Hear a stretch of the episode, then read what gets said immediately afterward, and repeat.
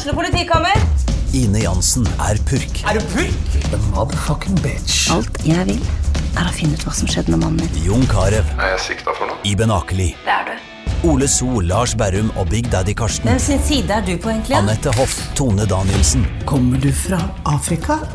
Jørnis Josef, Nesten. Kløfta. Trond Espen Seim, Det er synd å si det, men det var feil mann som døde. Purk. Premiere tirsdag på TV2 Play.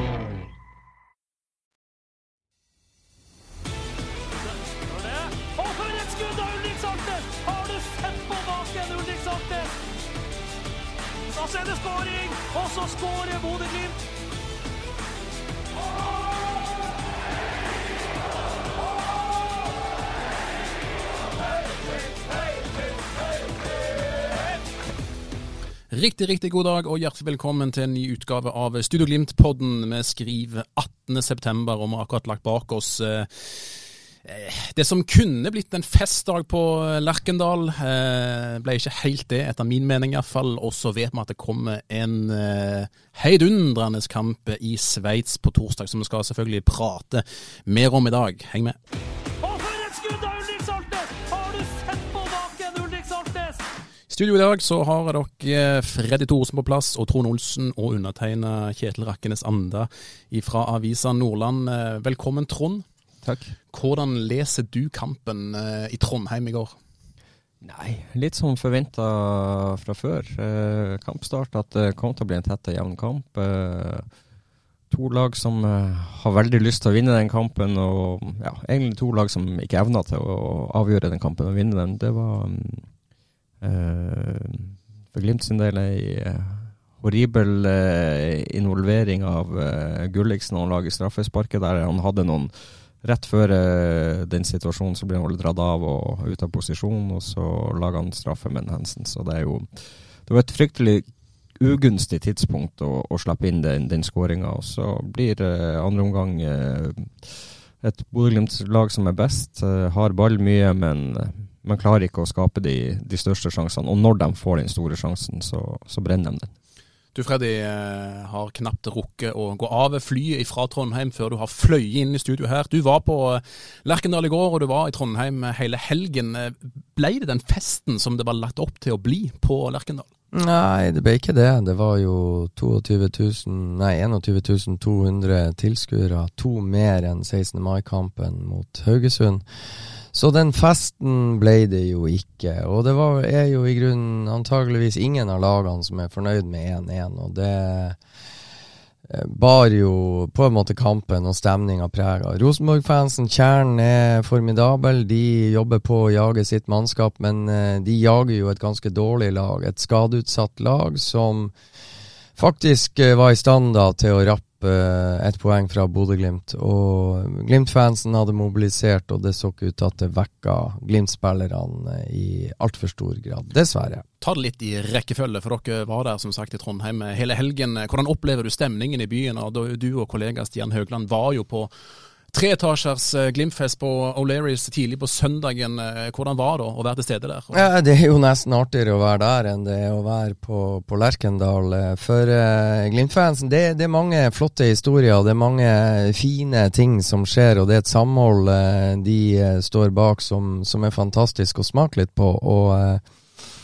Eh, Stemninga var i taket. Vi kom vel inn i, i tolvtida, og da eh, så du inn, Du så i grunnen sånn helgule innslag eh, i, i Trondheim hele, hele helga. Eh, folk bærer eh, draktfargene til Bodø-Glimt med stolthet, og det var trønder, eller Glimt-fans og Rosenborg-fans i skjønn forening eh, på lørdagen uten noe problem. Og det var nordlendinger som heier på Rosenborg, og nordlendinger som heier på Glimt, som var og, og nøyt litt leskedrikk i lag hele helga. Så nei, det, det var fint. Og stemninga og, og, og den entusiasmen. Og det er ganske mange som legger ned en voldsom innsats for å komme seg til Trondheim. Jeg har annet en som satte seg i bil fra Bodø og kom ned og parkerte bilen på Lerkendal på søndag. Sørga for at passasjerene sine kom til O'Learys rundt klokka ett. Så er det kamp klokka 17. Og den er ferdig klokka 19. Og det er jo en grunn til at bilen står på Lerkendal. Det er jo fordi at de skal kjøre nordover etter kamp. Så han, ikke navngitte duden som vi prøvde å få til å stille opp, han var i hvert fall min innsatsleder denne helga. Jeg er nysgjerrig. Jeg så jo kampen på TV, og jeg må si jeg hørte jo Rosenborg-fansen utrolig mye bedre enn Glimt-fansen. Men det har kanskje med lydinnstillingen å gjøre på produksjonsselskapet, eller hvordan var det å oppleve det her på Lerkendal? Nei, kjernen er bra, og, og kjernen jobber De står bak laget sitt. Rosenborg en stor klubb, det er det ingen tvil om. Og nå er det jo kanskje supporter skara til Rosenborg som går litt foran laget og klubben, eh, sånn sett. Men eh, ja, de var i overtall, og de hørtes eh, litt bedre enn Glimt-fansen. Og, det opplever jeg også litt sånn fra, fra TV-skjermen, at jeg føler Glimt-fansen i går er til tider litt ja, hva skal jeg si, stille og, og rolig i, i, båsen sin. Så det er ikke noe kritikk til dem, men kanskje de kunne ha bidratt med litt mer enn det de gjorde i går har vel kanskje noe med resultatet av kampen nå å gjøre, eller? Jo da, det, det har det, og du blir jo på, påvirka av prestasjonen på banen. Men det er jo da du skal være der og, og, og, dra i gang og prøve å gi den ekstra lille støtta der. og så Det er godt mulig at jeg tar feil, men eh, når jeg var innom og så en del bilder derifra, så, så syns jeg det, det, så veldig rolig ut. Så forhåpentligvis så, så var det bare feil tidspunkt bildene var på skal vi ikke ta en lang diskusjon om det heller, men dæven steike hvor det blusses og røykes på bortebane med Glimt-fans, men hjemme så eh, er det strengt forbudt. Det er det, og eh, det er den uh, retningslinja klubben har valgt å, å, å, følge, og da, da, må de bare akseptere det på, på Aspmyra. Det er godt jobba av fansen, men det er dessverre ikke det som er det mest spennende etter kampen på Lerkendal, Freddy. For det blir altså som sagt bare 1-1, får man vel si. Kanskje litt skuffende, eller hva er det som gjør at man ikke klarer å, å vinne? Nei, det her er en trend som har pågått over tid. Eh, Bodø-Glimt spiller nå fjerde kamp på rad uavgjort. Ja, de vant over Sepsi. Altså Sepsi borte 2-2. Sepsi hjemme 2-2. Så er det straffespark etter 100 minutter uh, i ekstraomgangene med Amahl Pellegrino som gjør at Glimt avgjør. HamKam borte 4-4. Rosenborg borte 1-1. Det er fire kamper på rad hvor de egentlig jeg er litt streng, da, men etter 90 minutter har de ikke klart å avgjøre noen av disse fire kampene til egen, for, egen favør. Det er et svakhetstegn, for vi er vant til å se et Glimt-lag som avgjør sånne kamper. Hvis vi går og tar de ti siste kampene i Eliteserien, hvor eh, den første av de er Strømsgodset borte, så har Glimt fire seire, tre uavgjort og tre tap. De har altså tatt 15 av 30 mulige i de ti siste kampene i Eliteserien. Og det er det ikke mange lag i Norge som blir skremt av en sånn statistikk, dessverre. Vi skal ikke langt tilbake i noen podder her, Trond, hvor jeg mener å huske at du var skråsikker på at eh, det skulle bli seier for Glimt på Lerkendal. Jeg tror du beskrev det som at eh, det var, ikke, det var ikke spennende engang, det var ikke noe du tenkte på som en utfordring. Men nå sitter vi her med fasiten i hånd. Hva tenker du? Nei, det er jo som Freddy sier, at det er, det er, jo den formen som har vært eh, litt uh, nedadgående. Og, men, men, igjen, den kampen i går skal Glimt ta tre poeng i. De har sjansene til det. De, de styrer det, det, meste ut av det som skjer, spesielt i andre omgang. Ja, Rosenborg er fremme og ypper litt i ja, fra et kvarter og ut til 45 minutter, syns jeg Rosenborg er ganske bra. og så Eh, ser du rundt det 40. minutt, da er det ganske mange på Rosenborg som begynner å se ganske sliten ut. Um, så eh, ja, det, det, det, det, er noen ting der med, med Bodø-Glimt om dagen som, som ikke er eh, helt der det skal være. Ja, og vi har sett, eh, ikke sant, i Sepsi borte så er det lages det to veldig unødvendige billige straffespark. Odin Bjørtuft er involvert i den ene. Brisveen Bangomo er involvert i den andre. Eh, på Aspmyra mot Sepsi så er det Nikita Haikin som ikke er helt eh, på hugget når Sepsi reduserer til 2-1. Kampen er jo egentlig død og begravet, men så får motstanderen et mål ut av ingenting, og det er jo det samme som skjer. Og grunnen til at jeg tar den rekka her nå. Av alle ting, da, så er det en kantspiller som har gitt Bodø-Glimt ledelsen 1-0 tidlig, som er nede i eget felt og lager et eh, horribelt straffespark, og, og på den måten inviterer Rosenborg inn i kampen. Så det, det er personlige feil, konsentrasjonsmist. Nå, nå, nevnte jeg fire forskjellige spillere. Så er det ikke den ene, så er det den andre. Det som er trenden, er jo det at én i helgult kommer til å gjøre en eller annen feil som motstanderens straff. Og da har vi det heldigvis ikke snakka om HamKam borte enda. For der er det enda flere spillere som kunne ha blitt nevnt. Og Vi har jo konfrontert både Glimt-spillere og trenere om den negative trenden de har. Men, men ser, du, Trond, ser du noen nøkkelpunkter til hvorfor det har gått så ille som det har gått, og hvorfor de ikke klarer å reise kjerringa nå mot eh, Rosenborg?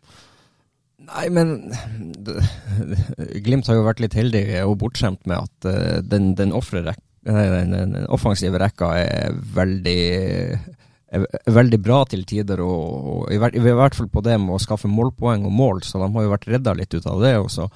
Nå eh, skårer du ikke like mye som du har gjort tidligere, holdt jeg på å si, men du gjør jo det òg. Men du slipper altfor mye inn bakover, så det er jo det, er jo det, det kollektivet som må bli bedre eh, defensivt, og så må du unngå alle de her eh, personlige feilene. for Eh, nå har motstanderne eh, klart å straffe Bodø-Glimt mye, mye mer enn de har gjort tidligere. Og så er det mm, Ja. Eh, det er sammensatt. Det er flere ting som gjør at du ikke er der du skal være. Så eh, hadde man bare kunnet sagt at akkurat den, den tingen må, må gjøres noe med, så, så, hadde det vært enkelt. Men det, det, er mer enn bare de små blunderne defensivt, og at uh, det glipper. Enn du Fredrik, hva ting vil du trekke ut som er liksom de viktigste faktorene til at det går som det går? Nei, altså, det er vanskelig. Men uh, for å ta det som er enkelt, det vi alle har sett. Eh, vært innom noe av det her nå. Men på Lerkendal, ikke sant. Ulrik Saltnes. altså Idet Faris PMI på stillinga 1-1 i andre omgang går i bakken Jeg syns det ser ut som straffe, men det er jo ikke det, og de går inn og sjekker på VAR. Men så detter ballen ned i returrommet, og Ulrik Saltnes kommer der han play.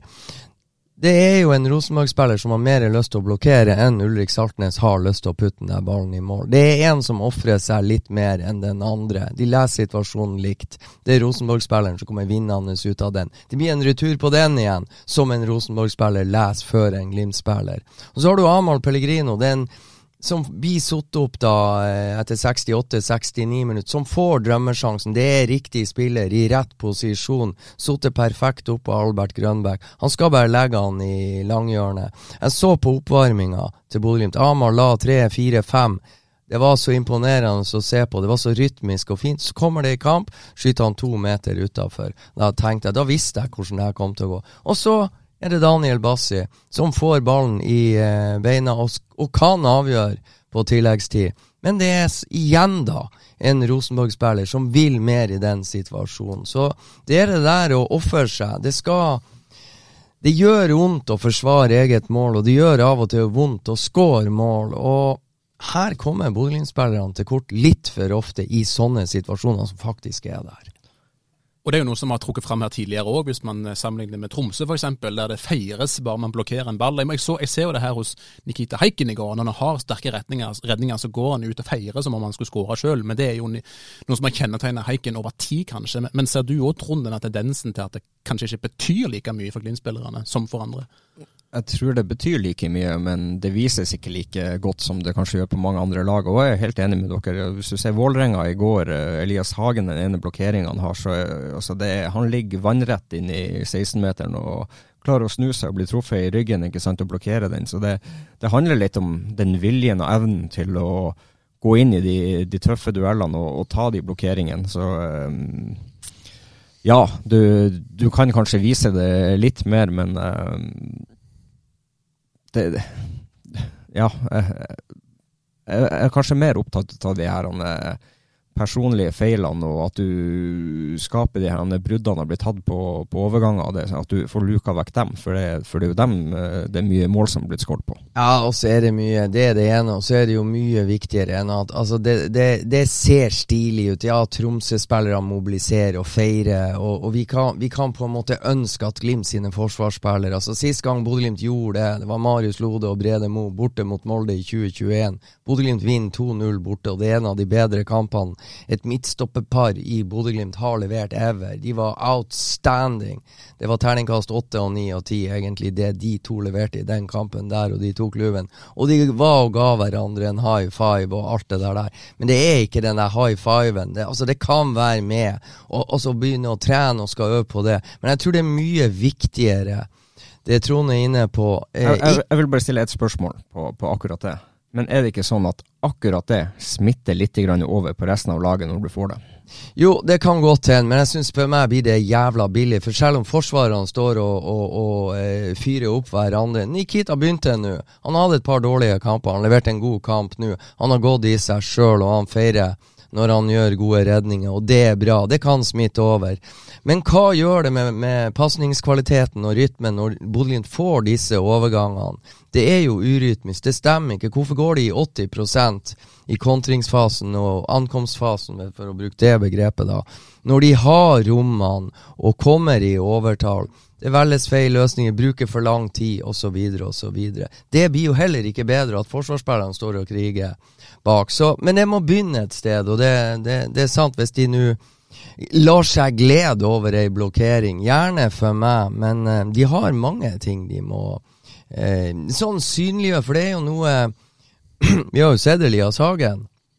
Han var jo ikke akkurat verdenskjent på Aspmyra for uh, å gå i krigen, og nå viser han jo det på for Vålerenga på Intility, at han har det i seg. Så nei, de må, de må begynne å, å, vise litt glede og entusiasme ha det litt skøy utpå der. For det virker noe alvorstynget, og det er mange som plages. både offensivt og defensivt. Freddy nevnte det, Trond. Pellegrino sin sjanse der han kommer alene med litt spiss vinkel og en drømmeposisjon for han. Han setter vel, eller har brukt å sette ti av ti der, men så går han altså flere meter utenfor mot Rosenborg. Hva er det som gjør at en sånn ting som det der ikke sitter for Pelle nå, som satt før?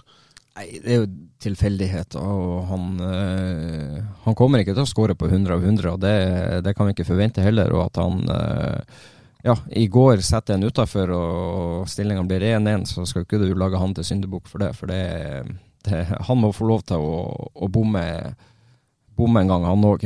Det som bekymrer meg mer der, det er jo at jeg syns ikke han gjør noe særlig kamp uh, uh, totalt sett i går. Det, det, er en kamp langt under uh, pari for han, og når han i tillegg mister på den sjansen, så, så ser det litt, litt skralt ut. Så det det han òg, syns jeg, i spillet sitt så, så, bør han klare å løfte seg litt mer enn det vi har sett eh, den siste tida. Det som har redda han, er jo at han har hatt veldig mye målpoeng og skåret mål, og da slipper han unna med ganske mye. Men når han ikke har målpoengene, sånn som i går, så, så blir det litt flere minuser på han. Og Uansett kommune man vil trekke fram et kollektiv, Freddy, så vet man at Glimt er avhengig av disse nøkkelspillerne sine. Ja, altså, eh, verden er skrudd sammen sånn at eh, hvis Pelle hadde gjort det vi er vant til at Pelle gjør, altså han har skåra 49 mål på to år i Bodø-Glimt i serien, og han skåra 14 i Europa for Bodø-Glimt, så hvis, hvis Pelle hadde sittet den i mål, så er det ingen som snakker om eh, hva han ikke gjorde på Lerkendal. Alle hadde hylla skåringa, og det hadde vært Pelle, Pelle, Pelle. Skåring nummer 50 for Bodø-Glimt osv. osv. på Nils Arne Eggen. Det som skulle vært Nils Arne Eggen sin uh, bursdag hvis han hadde vært i live. Så det hadde jo vært perfekt, men uh, sånn ble det ikke. Og sånn vi har lært å kjenne Pelle iallfall ut av, det er jo at han har gjerne følelsene utenpå drakta og, og lar seg kanskje prege av det her. Hvordan leser du Pelle nå for tida? Nei, Pelle kommer til å skåre ganske snart igjen, så um, Pelle, altså, Pelle irriterer seg selvfølgelig. Og, det er bare å gi han litt kritikk her, og så er han uh, tilbake ja, på, ja, på, torsdag. Ja, ja, ja. Han var sikkert inne og så hva han fikk på børsen, og så blir han forbanna, og så leverer han på Letz i grunnen. En bane han for øvrig skåra forrige gang han var, så uh, Nei, Pelle skal aldri avskrives. Ferdig med det. Kjetil Knutsen påpeker jo til deg og Stian i Mixed i går, eh, Freddy, at eh, det mangler jo noe på eh, den siste pasningen, og at det er jo mye feil i siste tredjedel av, av, av spillet. Hvor mange tekniske feil. Og er, er det ikke det her for enkelt, Trond? Skal man ikke være for god for det? Ja, men det er jo motstander som også prøver å ødelegge og, og er der og irritere. og det, det, det, er jo litt sånn, altså Ole Sæter han, eh, han springer i Brede Mo eh, og, og, gir han en knallhard dytt eh, når han ikke har, har sjanse til, til, å vinne ball. og Det er litt det her med å komme inn under huden og, og få motstanderen litt ut av fatning. Og så må Glimt være flinkere på å holde sitt eget fokus. Og det går jo litt på også det her med, med enkle pasningsfeil og de rette bevegelsene og finne de rette rommene. og Der har eh, Glimt en liten jobb å gjøre. De må treffe mye mer på den timinga og, og, og, få de her samtidige bevegelsene oftere og, og, og at de sitter mye bedre for, for å få revet motstanderen mer i, i stykker. Og så er det det å holde tempoet i det på ball for å få, få, få de rommene du trenger. Så det, det er sammensatt, og Glimt har både offensivt og defensivt en, en vei å gå i forhold til det der vi har vært vant til å se dem. En ting som jeg gjerne vil prate litt om, Freddy, det er 56. minutt i går, der Brisveen Bangomo får et gult kort. Det er ikke pga. en stygg takling eller noe sånt, men det er rett og slett på munnbruk. Fordi han, han teller foran dommeren 1, 2, 3, 4, 5. Og det er nok fem ganger han sikter til at sin makker på høyresiden der eh, holder i drakta eller ufin, eller hva enn det er. Hvordan ser du det gule kortet der? Nei, altså det er jo eh, Det er lett for meg å sitte og, og uh, si at Bris burde unngå det gule kortet. Jeg, hadde det vært jeg, hadde det vært han Trond Olsen, så hadde jeg vært på banen og følt det samme. Så det er jævlig mye adrenalin, så det er lett å sitte på sin høye hest her. og jeg tar ikke bris for den, for jeg kan godt forstå en viss frustrasjon. Uh, det er Rohit Sagi. Han hadde for øvrig en helt ok kamp på, eh, på Lerkendal. Eh. Jeg syns ikke det. Nei, men jeg, jeg, fryk, jeg, er ganske skeptisk til Rohit Sage, Bare husk det. Så jeg, ja, jeg skal ikke si så mye. Nei, jeg, jeg, jeg syns han eh, Når vi snakker om dommeren, så var det mye rart fra han. Og det, det her med flyt i spillet og fordeler han ikke skal gi det, og gir fordel når Ja, så det Jeg syns det var ikke en all verdens prestasjon av dommeren. Nei, jeg kan, jeg kan, ta med en all over han. Jeg frykta det jævlig mye verre. Jeg kan ta han på at Ole Sæter selvfølgelig skal ha en gult kort på den der han eh, tar eh, Brede. Og så Han lar Ole Sæter provosere Glimt-spillerne tre ganger, så kommer det gule. Det burde komme tidligere, for de var styggere, de han han, eh, han, hadde tidlig der. Eh, de var rett og slett ufine og unødvendige. Og, og, jeg tar ikke bris i hvert fall, for um, det var en del sånn der at de er på anklene og hælene og sånn og sånn. Jeg, jeg, hadde antageligvis gjort akkurat det samme. Og det er ikke Glimt vant til det nå. Nå har de vært ute i Europa så mange ganger der man vet at kynismen Jo, men de er ikke noen maskiner. Ja, de er vant til det. Men det jeg bare prøver å si, det er jækla lett å sitte og si at de må kutte ut det der. De er mennesker, de også. Og Bris husker helt, så han har sikkert eh, ganske kort lunte overfor Rohit Sagi, han også. Men du, Trond, det gullkortet til Bris? Nei, Det er forståelig at han eh, blir forbanna etter alle de gangene, men han kunne holdt seg unna og holdt nede de fingrene og holdt kjefta litt, så hadde han sluppet unna med det. Eh, det, er vel, eh, det, det, er vel den håndbevegelsen og, og tellinga som gjør at han får det, det gulkortet. Så, så, kan du si ganske mye utenom at du skulle få det gule kortet. Så det er jo det er, jo, det er jo det du kan ta han på. Eh, og så er det det her med, med, det fokuset til Glimt. Glimt har vært ekstremt god i flere år på å holde fokus. Uh, og tenke på seg sjøl og, og, og, gjøre de tingene du kan få gjort noen ting med. Eh, kom litt tilbake til det. Finn ut av det. Og ja, det er tøft, det er vanskelig, men um, prøv å få gjort noe med det du kan gjøre sjøl. Og jeg er enig i det, og jeg tenker at det er ikke bare den Bris-situasjonen. Det er på en måte ganske mange Glimt-spillere som er litt mer opptatt av det de ikke skal være underveis i kampens hete, enn det de var da de var på sitt aller, aller beste. Og det må Glimt finne tilbake til i fellesskap. Og det var det som var poenget mitt. Ja, Har du flere, ja. eksempler, flere eksempler Freddy, fra kampen i går? nei, nei, men du ser det. altså Det går så fort, det er så mye å følge med på. Men det er enkeltepisoder hele veien. Det, du ser det på kroppsspråk, men uh, jeg klarer ikke å trekke Det er litt vanskelig å trekke frem de enn Amahl sin sjanse etter uh, eh, 68-69 minutter. Altså det, men det er, du ser det i, i, i, flere situasjoner en viss sånn frustrasjon og oppgitthet som ikke du så før. Kjetil Knutsen eh, varsler endringer til neste kamp. Det sier han rett ut til dere i Mix-Zone i går. Freddy, eh, hvor kommer de eventuelt? Vi skal ikke ta for oss Lugano-kampen helt ennå, men eh, generelt, hvis han skal bytte ut noen fra i går, hva tar han ut? Nei, altså eh, Det som er forunderlig, bare sånn eh, rett opp når du spør nå, så, så satt jo jeg og så på hvor veldig, veldig lite involvert Faris Pemi var på, på Lerkendal. Og Runar Espejord kommer inn etter 84 minutter. Han spiller 6 minutter pluss 4 minutter tillegg. Og jeg er hellig overbevist om at Runar Espejord har mer balltouch på de ti minuttene enn Faris Pemi hadde frem til det 84. minuttet. Og han eh, klarer på en eller annen måte å bli mye mer involvert. Det kan hende at det har noe med at Glimt har klart å legge et trøkk, at Rosenborg blir pressa bak og inn i egen boks. Men jeg kan ikke forstå, når Faris Pemi knapt er borti ballen, Uh, og ikke får til noe som helst heller. At ikke det går an å gi Runar Espejord uh, 30 minutter for å se hva han kan utrette. Så, så, hva er vits med å ha en brei stall hvis, hvis en som nesten ikke er involvert, verken i det defensive med press eller det oppbyggende offer, han klarer ikke å koble seg på resten av laget. Og det er sikkert ikke bare Faris Pemi sin feil, men det fungerer bare ikke.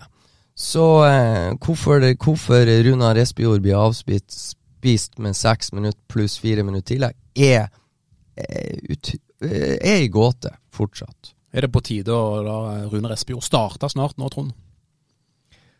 Nå vet ikke jeg hvor, uh, hvor god den formen til, til Runar Espejord er, og hvor, hvor, hvor, lenge han tåler. Men at han burde ha kommet inn tidligere i går, det, det er jeg ikke i tvil om. Men du spør om hvor, hvor byttene vil komme. Jeg vil fort tro at en, eh, en Sjøvold kan komme inn på en back. Eh, men Dæven, han har momenter, altså. òg. Han har noen offensive ja, da, men, han, men, men, altså. men, de sier at det skal rulleres. Eh, og, da, og, da, bare sier jeg hvor, hvor, jeg tror det kan gjøres endringer. Det er back. Eh, det er stopperplass. Uh, indreløper, høyre indreløper kan gjøres rulleringer på. Og så tror jeg det gjøres, kan gjøres rullering på høyre kant. De andre plassene er jeg litt mer usikker på. Nå kom Lode inn i går da for en Bjørn Bjørtuft.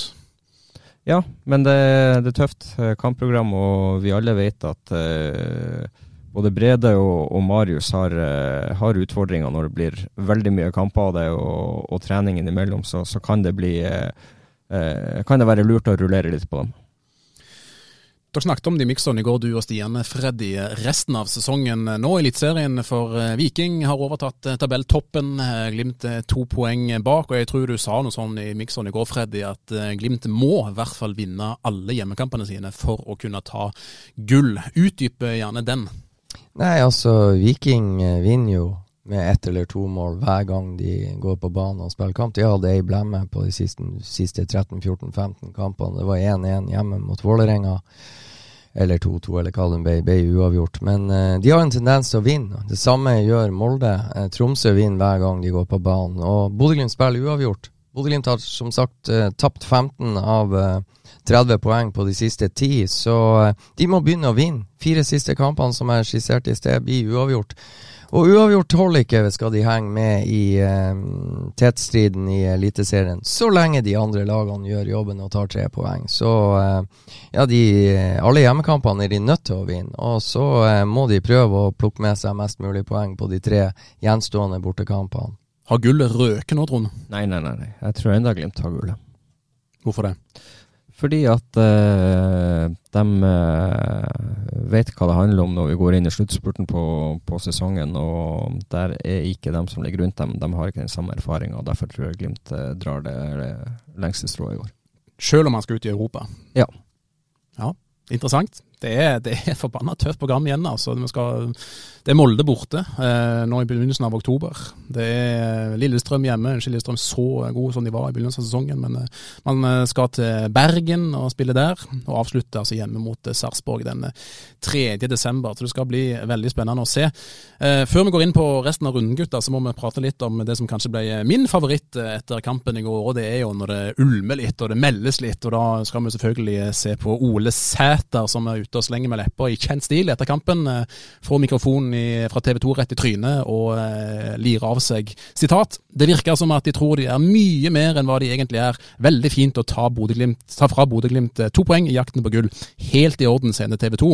Og så var han ikke ferdig der. Han fortsetter til VG. Jeg er luta lei av at de skal være flaggskipet Norge. Det syns jeg er helt feil. Det var et stikk mot fansen, ikke spillerne. Det er umulig for meg å kritisere spillerne. Det er jo der jeg ønsker at vi skal være. Er det ikke deilig, tror når det meldes litt? Jo, det syns jeg. Og det han spiller for Rosenborg, og han er ikke fornøyd med der de er. Og øh, kanskje ikke tabellmessig er han på, på, på, sin plass for å kunne melde alt det her, men jeg har ingenting imot det. Jeg syns det, det er litt herlig, og det, det, det, lager litt ekstra blest og styr rundt det her. Så det, ja, jeg har ikke no, noen problemer med det. Lar Glimt seg rive med på det her, Freddy? Kanskje ikke spillerne, men fansen ser det kanskje og lar seg hisse opp litt? Ja, det gjør jo ingenting hvis de gjør det. Og, og um, påstanden om at Halle Bodø-Glimt har eh, så steike lyst til å spille på Lerkendal, det, den tror jeg han eh, der, Den tror jeg han bare skal glemme, for eh, da hadde de sikkert gjort det hvis de hadde hatt så steike lyst. Men det er jo deilig med meldinger. Det er jo underholdning. Har han et poeng? Nei, men uh, han er artig han er underholdende. Og han, uh, men han må Jeg syns Ole Sæter er en fantastisk god fotballspiller, så jeg syns jo han skulle ha prestert litt av det å score på ei straffespark. Det imponerer ikke meg. Det er ganske mange som klarer, så han må bare komme seg på banen og begynne å levere og prestere enda mer, for da blir det enda stiligere enn når han står og melder. Men, men, igjen, altså Der savner jeg kanskje at Glimt har en litt sånn type, sånn som uh, Ole Sæter, uh, Slatko Tripic. En, en, en, sånn spiller som motstanderfansen hater fordi at de er ute og melder, de er litt å trykke til i duellene, og de er, de er litt eh, KU, prikk, prikk, prikk, ikke sant? Og eh, jeg kjenner to venstrekanter som var flinke til det. Han ene heter Trond Olsen, og så kom det en yngre utgave som sikkert har sett han Trond Olsen i miksen. Han heter Jens Petter Hauge, og han viste Han tok opp arven. Og det gjorde han jævlig bra, for han stakk utenlands. Men hva har eh, laget og klubben å tjene på at man er litt cocky eh, ute, Trond? Du drar litt av fokuset vekk fra det du holder på å jobbe med i de dagene det, det går litt dårlig og det blir noen andre overskrifter der, men samtidig så har du Du bygger opp eh, både engasjementet og trykket rundt fansen, og kanskje du du, du, du, du lager en liten sånn stemning innad i, i, i spillergruppa òg på at fy faen, han der skal vi ta i. Han skal, han skal få lov å kjenne det i dag. Og så får du noen prosenter gratis ut av det. Så eh, jeg har ikke noe øh, problem med at noen er sånn, og jeg, jeg syns det er litt herlig at man har sånne typer. For det, det gjør hele produktet mye bedre, og jeg skulle ønske at Glimt hadde en som trykka til litt mer. Og det artige er jo at Ole Sæter dukker jo opp på A-en og hos han Stian og står der, så det sjarmtrollet og nevner ingenting av det han hadde fyra noen minutter bortafor og håper og tror at Bodø-Glimt tar gull og bla, bla. Nei, det, var, det er jo helt komikveld. Han gjør det helt bevisst, han går ut og melder på den måten der? Ja, du, ikke spør meg, men artig syns jeg nå det er. Er det mer dere sitter inne med etter Rosenborg-kampen, gutter, eller er vi ferdig med den? Ja, vi er ferdig med den. Ferdig med Rosenborg og tenker prestasjon og utvikling. Og neste kamp. Da er det skåring, og så skårer Bodø-Glimt! Vi må se litt på øvrige kamper i eh, runden. Som sagt så eh, er tabelltoppen eh, bytta ut med et gult lag fra Bodø og med et blått lag fra Stavanger. For Viking vant 2-0 i borteoppgjøret mot Haugesund. Hva tar du med deg fra den, Trond? Nei, jeg tar med meg at uh, Viking vant. Uh, og var det beste laget der. Uh, og så er det en utfordring for Glimt nå å hekte seg på og begynne å jakte og jage dem og ta dem, ta dem igjen og gå forbi dem. Noe som har fått oppmerksomhet etter kampen her òg, Freddy, det er jo det som skjedde på bortefeltet. Der det ble klatra opp. Vi vet jo at bortefeltet på Haugesund stadion er jo under noen boligblokker der det angivelig skal ha blitt kasta noe greier ned på vikingfansen. Og så skal vikingfansen begynne å klatre opp på balkongene der, og ganske stygg sak. Ja, eh, jeg har bare sett videoer. Ja, det, det er stygg sak. Og det jeg syns er litt eh, Jeg har ikke noe jeg, jeg, kan for lite om det der. der og, og eh, stygge scener på, på, norsk bane. For eh, det er ingen tvil om det. Jeg syns er litt sånn er interessant, apropos de som eh, Apropos Ole Sæter og, og påstanden om at uh, Halle Glimt vil spille for Rosenborg. Men fakta er at han som skåra 1-0-målet til Viking eh, i Haugesund. Han heter Sondre Langås og ble 22 år, har spilt for Ranheim i, i Rosenborg-land. Og, og eh, idet Viking legger 2,5 millioner på bordet til Ranheim for å sikre seg han, så er de utkonkurrert på pris. Rosenborg. De har altså ikke sjans om Sondre Langås skulle hatt lyst til å gå til Lerkendal, og det tror jeg han faktisk har mer lyst til enn eh, en og annen Glimt-spiller. Men 2,5 millioner er nok til å konkurrere ut Rosenborg, og det forteller hvor jævla mektig og stor Rosenborg er for tida. Det, ja, men det er interessant, altså. Lite stikk tilbake da til Sæter og Rosenborg. Ja, En annen ting er jeg hører at eh, Kongsvinger utkonkurrerte Rosenborg når det gjelder han andre på eh, Ranheim som eh, var ønska Ruben Alte. Ja, det, det, ja, de er jo det. Men er det et spill fra Rosenborgs side for å få dem billigere? For å prøve å presse ned prisen? Ja, det kan godt hende, men han spiller fortsatt i Ranheim og ikke for Rosenborg. Og kanskje kunne han ha hjulpet Rosenborg eh, denne høsten, ikke vet jeg. Hva? Det var eh, Viking og Haugesund. Nei, Jeg bare registrerte at Sondre Langås skåra for eh, Viking. Det var det. Hva jeg lærte av den kampen der. Sondre Langås skåra. Det gjorde han ble matchvinner forrige hjemmekamp for Viking òg, hvis ikke jeg husker feil. Så ja. Og Viking holder nullen og fortsetter sin ferd mot et potensielt eh, seriegull. Vi får se. Molde-Odd 4-1, Trond. Ja, eh, Molde de har begynt å få eh, orden på sakene og eh, er en skummel eh, farer som kommer litt bak, og som eh, ja, eh, begynner de her lagene foran dem å avgi poeng, så, så er Molde fort inne i medaljekampen igjen. Jeg må, må litt tilbake til starten av sesongen òg, fordi det ble jo slått katastrofealarm rundt Molde. Men innad i Molde så virker man angivelig å være veldig rolig. Jeg husker trener, eh, trener Mo Det er Moen heter, ikke sant? Ja. Ja. Ja, eh, ute og ble konfrontert med det her krisetilstandene, og er så lugn og er så trygg på at det her kommer til å løsne. Litt kudos der, Trond, kanskje for å være såpass avslappa og ikke la seg rive med og stresse. Ja, det, det skal han få kudos for. Og, eh, altså, men, men, men spillemessig så var jo ikke det katastrofe for Molde heller i starten av sesongen. De fikk ekstremt dårlig uttelling og hadde eh, mange marginer imot seg og, som gjorde at de ikke tok poeng. Og så havna de langt etter. og eh, Det hadde jo sett veldig veldig mye verre ut hadde det ikke vært for at Glimt har fått den eh, formduppen. For de har jo tapt ekstremt med poeng i det siste. Husker du hva, hvor mye poeng var Glimt foran Molde på det meste, Freddy? Husker du det? Jeg husker ikke, men det er fanken ikke mye poeng nå. Men jeg registrerer det Molde for å ta 4-1 mot Odd, så Eirik Hestad ble henta hjem. Han er en rutinert fotballspiller som eh, jeg fikk se i Europacupen mot Galatasaray. Han skåra de to første målene. Så henta de hjem og tilbake Fredrik Gulbrandsen, også en rutinert spiller. God fotballspiller. Han skåra tredje målet. Så eh, det er jo noe som forteller meg at Molde har eh, prikka godt på overgangsvinduet, som var åpent eh, frem til hva er slutten av august, Trond. Ja. Da det blir stengt, ikke sant? De henter Kasper Øyvand fra Tromsø, de henter Erik Hestad, de henter Fredrik Ulbrandsen. Eh, Bodø-Glimt henter en 18-åring fra Tromsø og en uh, unggutt, uh, lovende eh, Tobias Gulliksen fra Strømskog, og så henter de to fra Junkeren, som vi sikkert må vente litt på før, de, før vi får se. Så eh, Molde blir skummel, og eh, Molde har heva seg, og Molde har fått betalt i forhold til de spillerne de har henta fra første sekund. Og det er jo det det handler litt om. Hent spillere som kan gå inn og styrke eller bidra fra dag én.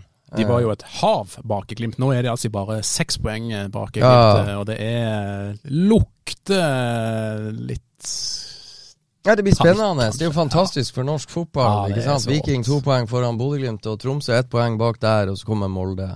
Ja da, det blir, eh, det blir en spennende høst på, på topp tre. eh, Så det, det, det er mange viktige kamper, og det er innbyrdes kamper der. Og det, det snur fort, eh, den tabellen som er der nå. Så det, det, det kommer til å bli ekstremt spennende i høst. Kan gå kjapt gjennom øvre kamper òg på runden som var. Sarpsborg 08, Lillestrøm med 3-1, Trond.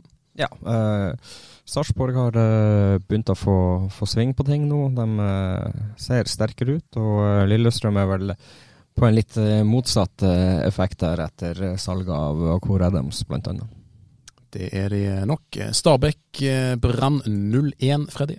Ja, Bård Finne skåra igjen i serien for Brann, og eh, Bob Bradley får ikke noe drømmestart som eh, ny trener i eh, Stabæk. Altså, jeg syns det er interessant. Eh, Lillestrøm var jo hypa ganske lenge, og sesongen var tydeligvis over når Coor Adams eh, dro til Frankrike, og eh, Sarpsborg er på gang. De har også gjort en del eh, interessante eh, tilvekster i, overgangsvinduet og har eh, vært eh, bunnsolide og tur opp. Fin trend, men Sarpsborg klatrer, så eh, raser Lillestrøm nedover. Og Brann har jo vært i et sånn her eh, vakuum, og nå fikk de seg en seier. Og Stabæk trengte ikke den. De eh, er jo under streken nå, så vi får se hva Bob Bradley finner på etter hvert. Apropos eh, produktet norsk fotball og spenning og sånn, dæven hvor deilig det har vært å få Bob Bradley tilbake til norsk fotball. Jeg har en eh, historie sjøl der om eh, Bob Bradley den tiden jeg jobba i en avis i hovedstaden og fikk i oppdrag om å dra ut og møte Bob Bradley. Det var i den tiden Stabæk gjorde det høvelig OK. Hadde en avtale, klokkeslett, der man skulle møte den sindige amerikaneren. Eh, møtte opp på Nadderud, ingen Bob Bradley å se, så da begynte jeg å luske i gangene der inne på Nadderud, og fant eh, Bob Bradley helt innerst i en gang på et styrkerom der han drev og trente, så svetten spruta. Og jeg spurte for sikkerhet, hadde ikke med en avtale nå, og fikk huden full så det sto etter What the f are you doing here? Og var så forbanna at det var ikke mye godt intervju som kom ut av det der etterpå. Så det er bra. Det er gøy å få uh, sindige og avbalanserte og rolige Bob Bradley tilbake til norsk fotball. Det gjør oss veldig godt, alle sammen. Tromsø, HamKam 2-1, Trond. Ja, ikke noe sjokkert over at Tromsø fikk en uh, seier igjen. De, uh, eh, de har vært uh, sterke, og de, de, vinner tette og jevne kamper, ofte med, med, et mål, så det er ja, en styrke i seg sjøl, det.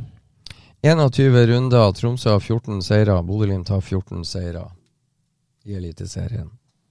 Tenk det. Ja, tenk det. Si det. Så registrerer jeg at ja, Oliver Kjærgaard, tidligere Tromsø spiller, skåra for HamKam mot Tromsø. Han skåra ikke så mye da han eh, var på Alfheim, men når han kom til Alfheim som HamKam-spiller, så skåra han. Jeg finner jo en viss glede i det, men fattig trøst. Og til slutt, da. Vålerenga-Ålesund 3-1, Trond.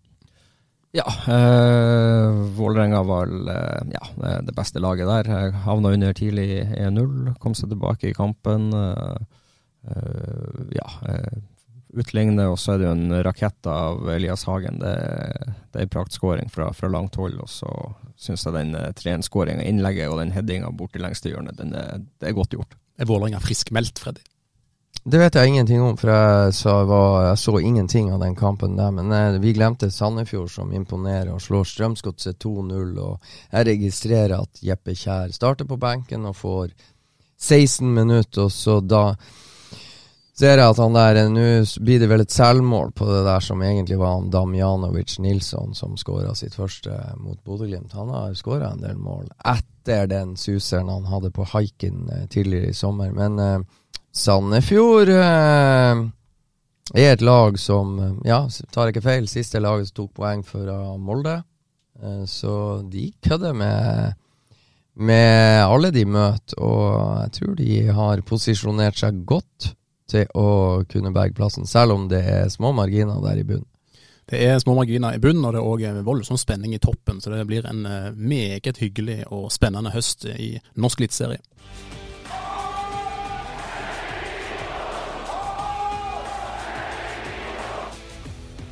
Det var norsk fotball for denne gangen. Nå skal vi rette blikket mot det som skal skje i Europa på torsdag. For da er endelig eh, Conference League i gang igjen. Champions League smeller i gang eh, tirsdag, og Europa League kommer òg seilende etter hvert der. Og så er det altså Bodø-Glimt som skal til Sveits og møte Lugano på torsdag. Og der drar du og kollega Stian Høgland nedover. Freddy, hva forventninger har dere først og fremst til oppgjøret der nede? Nei, det er jo en bane Bodø-Glimt har vært på før. var og Tapte 2-1. Amahl Pellegrino skåra. Så det er nå kjente omgivelser for eh, Glimt-spillerne. Og så er det jo eh, Er vi spent på om den eh, Letzigrund, eh, om gressbanen er klept eh, mer enn den var da Bodø-Glimt kom på besøk eh, i fjor høst. For da var det et hjemmelag som sleit litt med marginene og vippkamper i sin favør. Det snudde egentlig for Zürich. Eh, med den 2-1-seieren. Jeg tror de topper tabellen i Sveits. Og um, danske Bo Henriksen, som var involvert uh, og, og, var vel trener i Horsens da Kasper Junker ble Glimt-spiller. Og det var også han som ga debuten til en 16 uh, år gammel Jeppe Kjær i Superligaen. Uh, og bidro til at Jeppe Kjær ble solgt til Ajax for 25 mil. Så nei, jeg er spent. Jeg vet veldig lite om Lugano, de fjerde-femteplass i Sveits.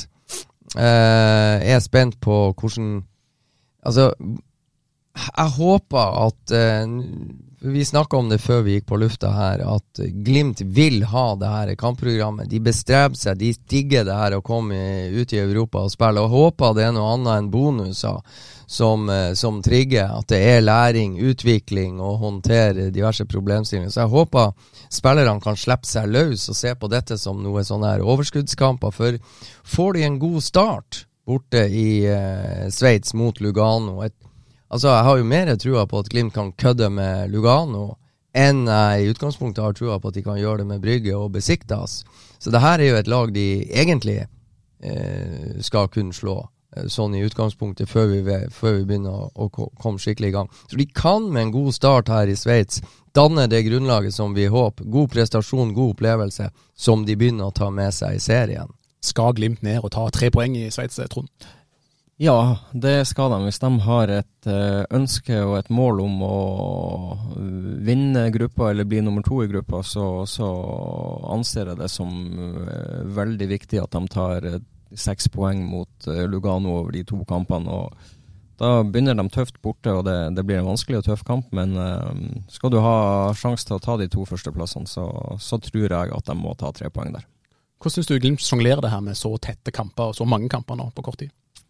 Nei, jeg syns jo ikke de har uh, sjonglert det så veldig bra. Jeg syns det er litt, uh, litt, for lite rullering på laget, og de kunne ha med fordel uh, brukt stallen mye mer. For de har uttalt at de har uh, handla inn til det her for at de skal tåle å stå på, på mange fronter, og de skal ha en bredere stall av tropp. Ja, de har vært litt uh, uheldige med å få skade på Nino Suguel og um, Sondre Sørli, som gjør at de har litt mindre offensivt å gå på. men du har eh, mange alternativer bakover i banen og i midtbaneleddet som du kan rullere på, så eh, eh ja. Eh, skulle gjerne sett at de eh, brukte standen sin enda litt mer enn det de har gjort. Og så må de bare mm, gjøre det beste ut av det, for eh, de ønsker å spille mye kamper. og Det, det er det de har sagt, at vi har et mål om å spille flest mulig kamper og, og konkurrere på flere arenaer. Da må du tåle den belastninga. Da, da må du også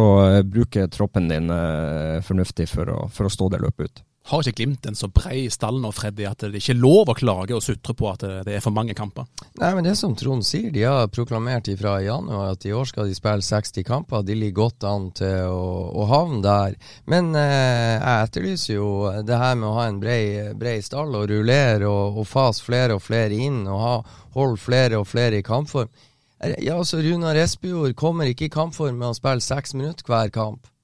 Da er det å tro på julenissen at han skal ja, Det er mulig han plutselig får start, ikke sant, men det er noe med det å spille med selvtillit, og selvtillit er noe du får gjennom gode opplevelser ute på banen. Og han fikk et innhopp mot Bohemians hjemme og skåra. Fikk fem-ti minutter og skåra 3-0-målet. Det var viktig. Eh, men, men eh, det er liksom ikke sånn eh, Det er liksom ikke så enkelt som at eh, det er bare å starte borte mot Lugano og forvente at uh, Runar Espejord skal levere varene fra øverste hylle. Faris Pemi har fått muligheten egentlig fra Lech Poznan, som var en av de første kampene. Det var vel den første viktige kampen i år. Han har i grunnen starta alt. Så han har jo hatt alle muligheter til å spille på seg selvtillit og, og, og den slags. I perioder har han gjort det, men ingen andre spisser har fått det. I hvert fall ikke Rune. Han har vært skada fra, fra, kamp 2 til kamp 10-11.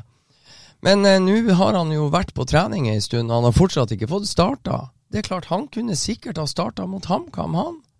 Hvis man ønsker å fase dem inn til det som kommer. Og det, Joel Mbuka spilte alle kampene på høyre ving til han dro til, til Frankrike.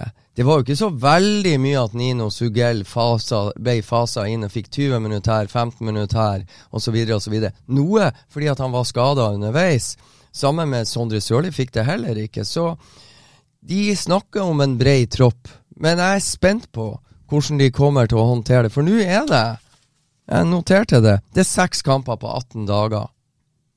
Den første kampen er Lugano borte. Den siste av de seks kampene er Molde borte. Da får vi se, da, hvor mye rullering det blir i løpet av de seks kampene som de skal spille på 18 dager. Men er ikke det en fotballspillers hverdag, at eh, du kan bli satt innpå på kort varsel, og da må du faen meg være klar, altså? Jo, det er en fotballspillers hverdag, men hvis du som trener ønsker å få det beste ut av den spilleren Jeg tror ikke Runar Espejord Jeg tror ikke at jeg skal forvente at han skal skåre hat trick borte mot Lugano i første forsøk. Det kan skje. Skal, Men eh, skal ikke Trond være, nei, skal ikke eh, Espejord være klar når han først blir satt innpå, og får gripe muligheten?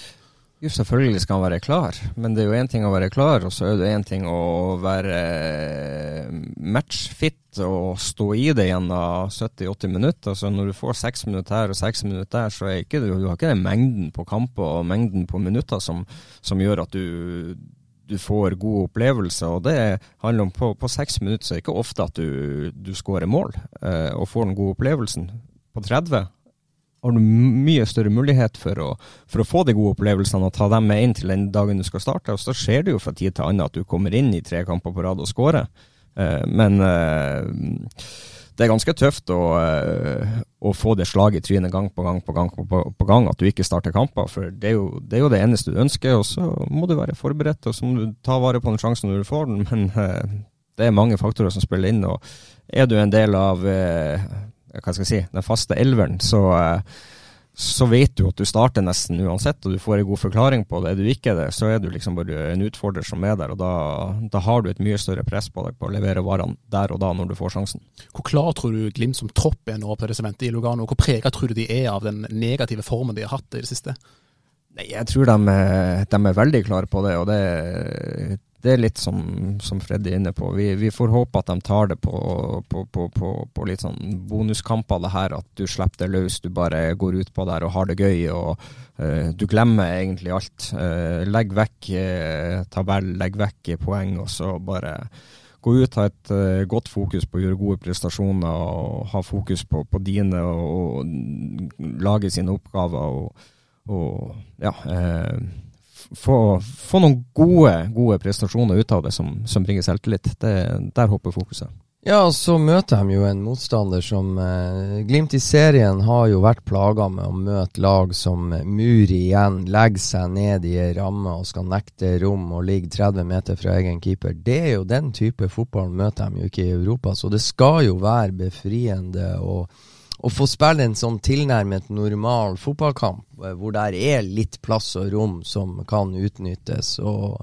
eh, så, det blir, så, det er alle muligheter til å spille på seg litt eh, engasjement og moro og positive opplevelser. For det, for det vil bli annen type fotball enn en det de eh, møter både hjemme og borte, egentlig, i serien. Er det litt uheldig at det er Lugano borte som er den første kampen i Europa, gitt den situasjonen som, som Glimt er i nå, som formessig? Hadde det vært bedre å starte f.eks. med, med Besiktas borte, der det ikke er noen forventninger til Glimt i det hele tatt? Nei, det hadde kanskje vært best å få Besiktas hjemme og smadra de 3-0. For jeg tror eh, hjemme på kunstgress så kunne de ha fått en pangstart. Eh, og, og fått tre, tre poeng og, og, god prestasjon, og på en rysta motstanderen på det som er en av Glimts største fordeler. Men jeg tror de skal møte disse seks lagene, eller tre. De, disse tre lagene over seks kamper. Det er samme F hvem de starter med. Men, men det er litt sånn Sjansen for å få en De fikk en god start mot Zürich i fjor, vant 2-1. Det var et Zürich som hadde slitt, men, men Glimt klarte jo ikke å bygge videre på den gode starten som de fikk med å ta tre poeng hjemme i fjor. Og klart, kommer, kommer man ut av en, eh, et gruppespill med null poeng, så gjør ikke det noe godt for selvtilliten, for å si det sånn. Nei, men uh, de må starte et sted, og kan, de kan uh, sette et statement. Det er en stund siden Lugano spilte i Europa, tror jeg. Bodø-Glimt har vært med nå uh, vært med siden 2020 og, og, har erfaring og kompetanse, så den kan de utnytte til egen fordel. Og det er jo ikke Lugano sin hjemmebane. Det er jo faktisk Zürich og Grasshopper sin hjemmebane, det her. Så, eh, Hvorfor spiller de ikke på Lugano sin hjemmebane? Nei, det er en eller annen grunn. Jeg tror Lugano sin hjemmebane tar 14 000 tilskuere, men det kan jo være litt rom og kapasitet til dopingkontroller og Uefa-pamper osv. osv. osv. som det ikke er plass og rom til på banen til Lugano. og Derfor spilles en tre og en halv time unna. Det er fordel Bodø-Glimt. Du som er så tett på klubben og, og kjenner hvordan de jobber i det daglige, jobber de ut ifra en prioritering Europa kontra eliteserie eller cup? Nei, de eh, tar én kamp om gangen. De tar neste kamp til enhver tid. Men jeg, jeg tror jo det at, eh, og håper det at at spillerne tar eh, At mange av de tar de her europacupkampene som en, eh, en liten sånn bonus. Det er litt mer spennende å reise til Letzigrund. Selv om de var der i fjor, så er det nå da andre gang de kommer. Det er litt stiligere å komme dit enn å komme til Haugesund, som de, mange av de eh, har vært mange ganger. Så det er litt sånn forfriskende.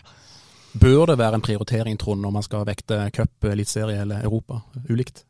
Nei, alt bør være en prioritering. Og hver gang du går uh, ut for å spille kamp, så bør du ha fokus på å vinne den kampen og eh, ta de utfordringene som oppstår underveis. Eh, og så er det sånn at serien er det absolutt viktigste i mitt hode. At de klarer å vinne med tanke på Europa til neste år, og det at du faktisk vinner trofé. Det, det, skal du ikke glemme. Viktigheten av å vinne noen ting, den, den henger veldig høyt, og det, det bør man forstå.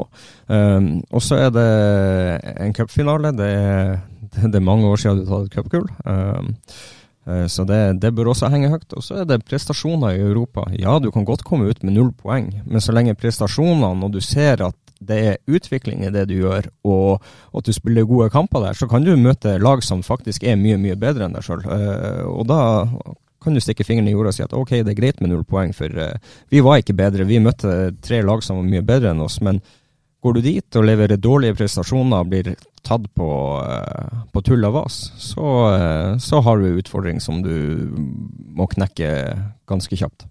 Og så er det jo som har snakket om før, Freddy, eh, det å vinne Eliteserien det er en fordel med tanke på at eh, veien inn til Europa eh, er lettere i og med at man begynner i en Champions League-kvalifisering. Ja, det er en enorm fordel, og der har jo Glimt hatt momentum i store deler av sesongen. Det har de nå gitt fra seg, og jeg kan gjenta, de har kasta vekk 15 poeng av, 15, av 30 mulige på de siste 10 så må de på en måte finne tilbake til trylleformelen som gjør at de avgjør kamper til egen uh, fordel, da, istedenfor å spille uavgjort og eller tap. Uh, og det kan de begynne med i Europa gjennom gode prestasjoner. Jeg tror også, som Trond sier, det viktigste er en god prestasjon, og at de ser at de lykkes med en del ting, og at de ser utvikling på det de driver med. For det har ikke vært veldig utvikling de ti siste kampene. Det har vært litt frem og tilbake og start-stopp og og sånn. Så eh, det fine med den kamprytmen de nå skal inn i, er at den kommer ikke overraskende på dem. De forventer at den skal komme.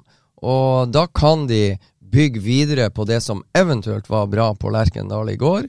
Ta og bygge videre og være enda bedre borte på Letzigrund torsdag. Og enda et hakk bedre når Vålerenga kommer søndag på Aspmyra, og enda et hakk bedre når de skal til Oslo torsdagen deretter og spille semifinale i cupen. Så hvis de kan ha gradvis progresjon på det de holder på med, så kan det bli steike artig etter hvert her. Du skal ned til Sveits sammen med Stian Høgland, Fred. Vi kommer garantert til å se mye fra dere der. Ditt resultattips til slutt, Lugano Bodø-Glimt? Ja, jeg tippa 1-1 i fjor, så jeg tippa 1-1 i år òg. Og eh, det tipset var jævlig bra til fire minutter på tilleggstid. Da svikta Glimt-forsvaret sånn at det blir 2-1 til FC Zürich.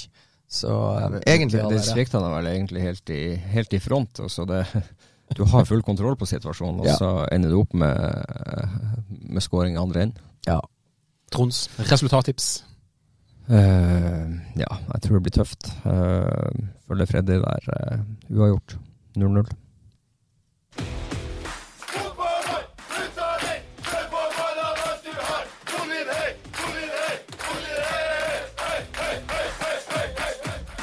Vi går eh, mot slutten av denne podkasten. Er det noe værmelding i dag, Trond? Oh, ja, ja. Vi hadde, jo, eh, vi hadde jo faktisk kamp i, i forrige uke, vi òg. Um, første kamp i sluttspillet. Der uh, vi møtte Tverlandet borte. Uh, gikk uh, seirende ut fra, fra, det med, med 1-3. Noe heldig. Uh, møtte et Tverlandet-lag som hadde De hadde mobilisert og skulle slå oss etter vi rundspilte dem ute på øya. og de hadde vel 26 mann påmeldt til den, den kampen, og det kunne lov til 18 i tropp. Så det, de, de, møtte kraftig opp, og vi sleit. Fikk, fikk uh, 1-0 etter ei en skåring av Adrian Skinlo. Uh, nei, ikke Adrian Skinlo, det var Stevan Vukovic som skåret 1-0. Um, og så slipper vi inn rett etterpå til 1-1, og kanskje litt heldig som ikke får straffe imot. Og vi har noen, noen gode redninger av keeper og forsvarsspiller. Det er ikke VAR i divisjonen deres ennå? Jeg skulle nesten tro det til tider. Og så eh, ja, går vi opp til, eh, til 2-1. Ikke noe sånn kjempe førsteomgang, men vi leder 2-1 til pause. Går ut i andre omgang. Jeg bytter meg sjøl ut. Laget blir litt bedre defensivt. Uh, og så uh, ligger vi egentlig ganske tett og kompakt, gjør noen gode bytter så vi får, uh, får inn litt mer trygghet og vi klarer å ta, ta, vare på ballen litt mer i midtbanen. Og så får vi en monsterkontring der Adrian blir spilt rett inn i bakrommet han tupper ballen forbi keeper. Og fra spiss vinkel så bare chipper han ballen over forsvarsspillerne og i lengste kryss 3-1. Men sier du det at Trond Olsen, treneren, er blitt så feig og kynisk og sånn Mourinho-aktig at du setter ut deg sjøl, du fjerner den offensive krafta og setter inn litt mer defensiv trygghet og struktur borte mot Tverlandet? Selvfølgelig. Og Tverlandet de hadde brukt én time å trene formasjon for å skulle slå oss. Så eh, det, det, det ryktene jeg får. Så det, her er det, det knallhardt det, det, det, har skjedd litt med produktet norsk fotball i Eliteserien, Freddy, men det er ikke en døtte lokal femtedivisjon med Trond Olsen i hovedrollen. Det har skjedd litt der òg? Ja, er du på styr. Og jeg hører jo det, det, den store snakkisen i divisjonen deres er jo at eh, broren til Patrick Berg har gjort comeback for Kråkegull, og tar jeg ikke mye feil, så putta han hat trick i første kamp han var tilbake. Og, så han eh, begynner å markere seg. Og jeg har også hørt rykter om at Kråkegull Kråkegull har vunnet alle kampene. Det er bare én de har tapt, det var mot Værøy, og den irriterer dem fortsatt. Jo da, det, men de har jo noen uavgjort òg. Har de det? Ja, da, ja, ok. Det er bare ett tap. De, de, de, er, de, er, noen poeng bak oss. Vi har ikke tapt noen, og vi har ikke avgitt et poeng ennå. Legger dere merke til når eh, speider Thomas Jacobsen på sidelinjen som følger med på om Trond Olsen gjør en comeback i Glimt snart, eller er det andre spillere Glimt er å snuse på hos dere? Nei, jeg tror ikke de er, er så lavt, eh, på så lavt nivå ennå, ser. Men uh, det finnes talenter der ute som kan ta både fjerde og tredje divisjon, så uh, oppfordringa er tren, uh, ha det gøy. og har du lyst til å satse på fotball, så må du legge ned den innsatsen som, eh, som kreves for at du skal bli bedre. Du må i hvert fall ha én time trening for å prøve å stoppe den uh, offensiven til Værøy. Ja, det er jo på måfå. Ja. Det er godt, gutter. Det er mye spennende å snakke om, eh, også rundt Værøy. Nå er det det her Studio Glimt-podden som holder oss til det foreløpig. Og det mm, tror jeg var det vi rakk i dag. Vi har pratet ut det vi kan. Og så er vi tilbake med ny eh, pod på mandag neste uke. Da har vi lagt bak oss en eh, spennende kamp i Sveits, og ikke minst avduking av dyttestato på søndag og Bodø-Glimt-Vålerenga påfølgende dag. Takk for følget. Ha en riktig god dag.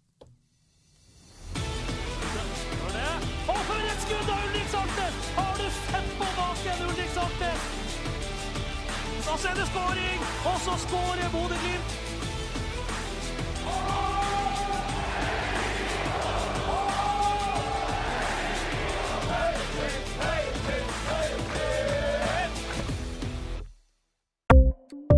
Ukens annonsør er Hello Fresh. Hello Fresh er verdens ledende matkasseleverandør og kan være redningen i en travel hverdag. Mange av oss har nok vandret i butikken både sultne og uten en plan for middagen, som ender med at vi går for de samme kjedelige rettene gang på gang.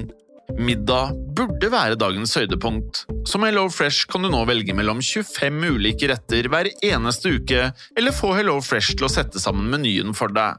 Dette gir deg muligheten til å prøve nye og spennende retter alene eller sammen med familien. Du velger antall porsjoner og får alt levert på døren på et tidspunkt som passer for deg. Oppskriftene er enkle, og maten er lett å lage både for store og for små. Ved å få alt levert hjem får du også mer tid til å dele matgleden med familie og venner. Kanskje det frister med asiatiske tacos eller greskinspirert kylling? Da kan jeg anbefale deg om å gå inn på hellofresh.no. Her kan du bruke koden FOTBALL og få opptil 1779 kroner i rabatt på de første fem matkastene hvis du ikke har prøvd Hello Fresh tidligere. Du kan også bruke rabatten hvis du har vært kunde og stoppet abonnementet ditt for tolv måneder siden eller lengre. Gå inn på hellofresh.no og bruk koden FOTBALL. Har du et enkeltpersonforetak eller en liten bedrift? Da er du sikkert lei av å høre meg snakke om hvor enkelt det er med kvitteringer og bilag i fiken, så vi eh, gir oss her, vi. Fordi vi liker enkelt. Fiken superenkelt regnskap.